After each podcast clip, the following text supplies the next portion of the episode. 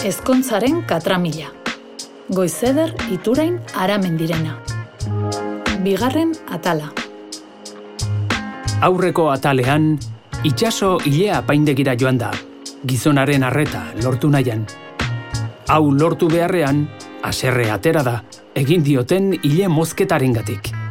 Ilea paindegiko bisitak ordea, bere pentsaerarekin bat ez datorren ezkontzaren ideia martxan jarri du. Ezkontzan? Ez. Ni ezkondu! Claro! Ez. ah, ez, bueno, bueno. Neri ez zaizkit formaltasun horiek gustatzen. Ba, ba, ez ba. Ondo bizi naiz bekatuan. Ai, ke golfa! Baina behitu, em, horrazkera hau gustuko dut. Bai. Berdina egin nahiko nuke. Agian, ezkontza da behar dudan aldaketa?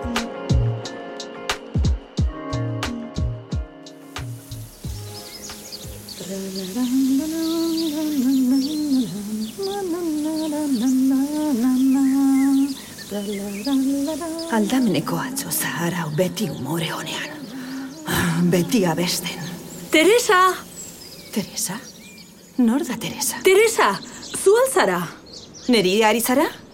Ai, barkatu. Une batez, Teresa zinela iruditu zait. Eta nor da Teresa? Zatoz kafetxo bat hartzera eta azalduko dizut. Xildu itzal, aspaldiko partez gonbidatu bat dator gure etxera. Sartu, sartu. Iskanbilatxu bat da itzal, baina ez du ezer egiten. Eseri nahi duzun tokian. Orain txenator kafearekin. Atzo zaharra izango da, baina ez du gustu txarra. Ha, ze etxea, primeran dekoratua. Oso etxe polita daukazu. Bai? Gustoko alduzu. Azukrerik nahi duzu? Ez, nahi pizka bat botatzen badidazu? Nola ez ba? Begira, argazki honetako hau Teresa zen. Nire lagunek onena. Argazkia ezkontzaren batean ateratakoa da. Ai, benetan dotore zegoen egun hartan. Zure antza du ez da? Beti hartu izan dizut Teresaren antza, baina gaur bereziki. Oso dotore jantzita zaude, eta horrazkera ere berezia duzu. bai, ilea pandegian egon naiz. Nire ezkontza egunerako ile probak egiten hasi naiz. Ezkontza? Ile probak? Baina ze de Montreali naiz esaten. Aia, maitia, baina, baina, hau ze poza! Zuen etxe hori hutsa sentitzen dut. Ume batzuk ondo lirateke, alaitu ingo luke gure inguru baketsu hau. Itzalen zaunkak eta nire kantuak besterik ez dirantzuten. Ez, ez, umerik ez. Ezkontza esan dut. Ai, barkatu, barkatu. Orain ere sartu nahi zinork esan gabeko tokian. Ezkondu, bai. Ezkon zaitez, zu bezalako emakume polit bat, neska zahar geratzea pena da gero. Neskazarra. Nork izan du neskazarra naizela. Nien naiz neskazarra. Kolorekin bizi naiz. Gainera ezkontzaren kontuak zaharkituak dira. Nik ez dut firma baten beharrik. Edo agian bai. Aitzakia polita da ezkontza. Maite dituzunak berriro elkartzeko. Eta gainera, zuriz jantzita oso ederra egongo zara. Teresa, bezain ederra. Barkatu, e- eta Teresa non bizi da orain? Jakingo banu. Urteak daramatzat berataz ezer jakin gabe.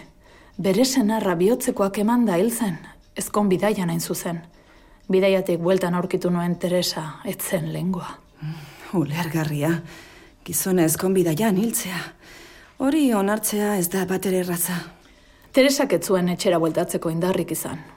Etxea saltzen jarri, maletak egin, eta inori ezer esan gabe alde egin zuen. Eta ez da inoiz zurekin harremanetan jarri. Hasiera batean, ez zituen telefonoko deiak hartzen. Denbora tarte bat igar ondoren, telefono zenbaki ura etzela existitzen zioten deiak. Eta? Handik denbora batera, gutun bat jaso nuen. Hortaz, etzen zuta zaztu. Ez dakit. Gutuna gordeta dut oraindik. Behin eta berriro irakurri dut urte hauetan, baina baina oraindik ez diot zentzurik hartzen. Nire jakin naia piztea lortu duzu.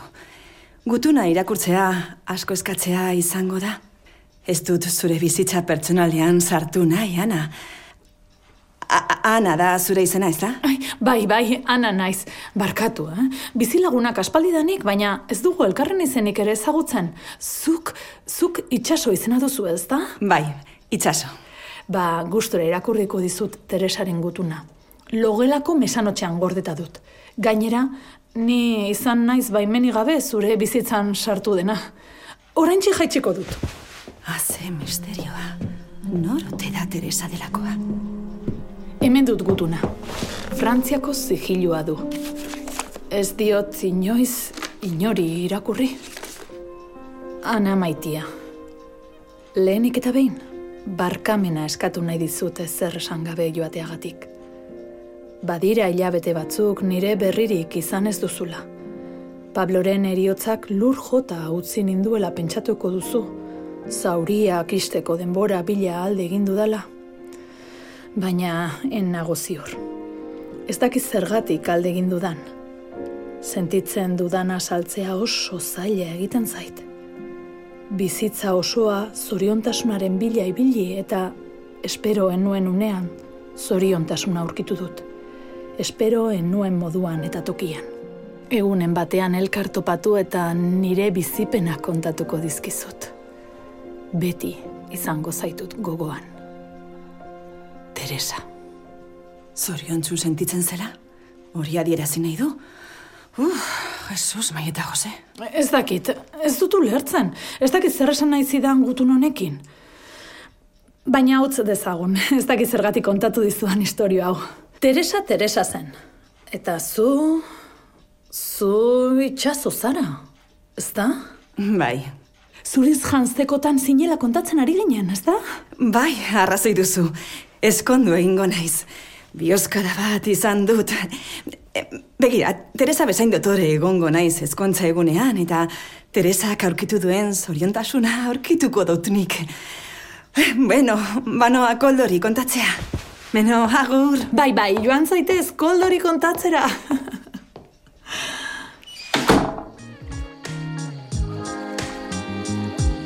Carlos Pérez Uralde, seigarren irrati antzerki lehiaketa.